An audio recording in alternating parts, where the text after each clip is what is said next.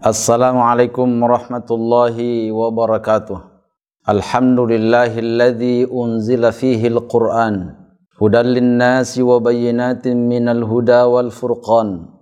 Wassalatu wassalamu ala sayyidina Muhammadin an-nabiyyu war rasulu akhiruz zaman wa ala alihi wa ashabihi ahlus sidqi wal irfan amma ba'du.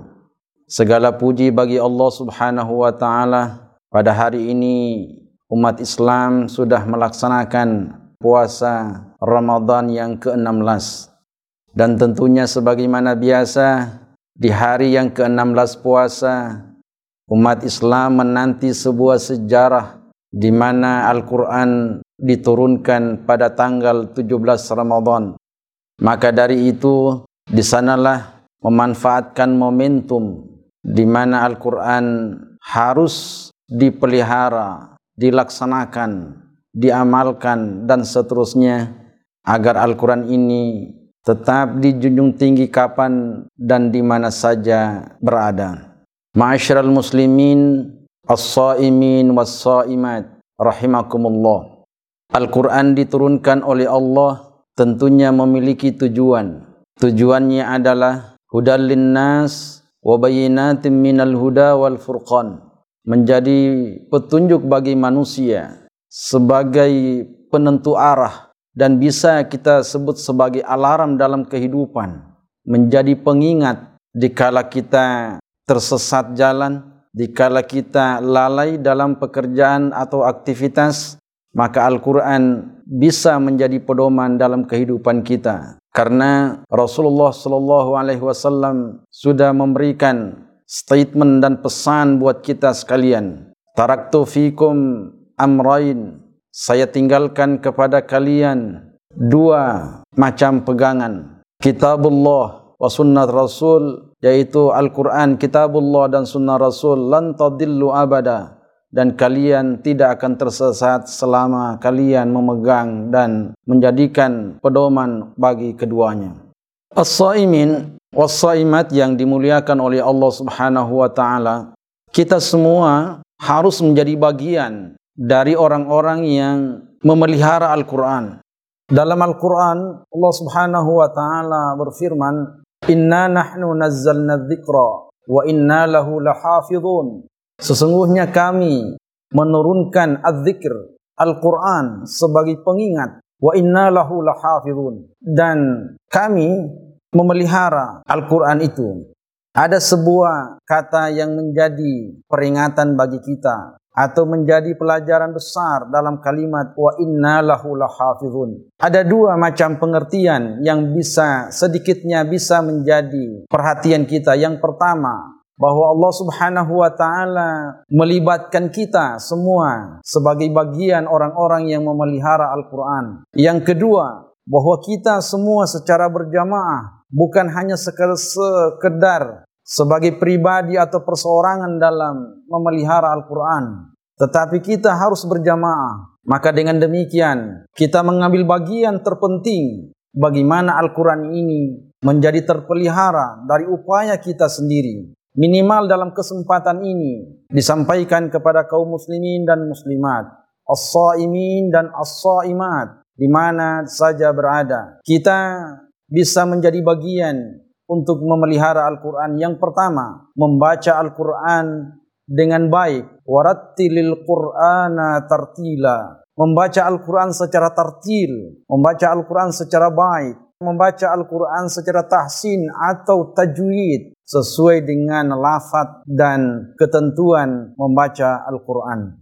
Sebagaimana biasa setiap tahunnya, kaum muslimin sudah mentargetkan bahawa selama bulan suci Ramadan menuntaskan 30 juz hanya untuk membaca Al-Quran. Itu tidak salah, itu bagus. Tetapi masih ada yang lebih bagus lagi sebagai upaya untuk memelihara Al-Quran.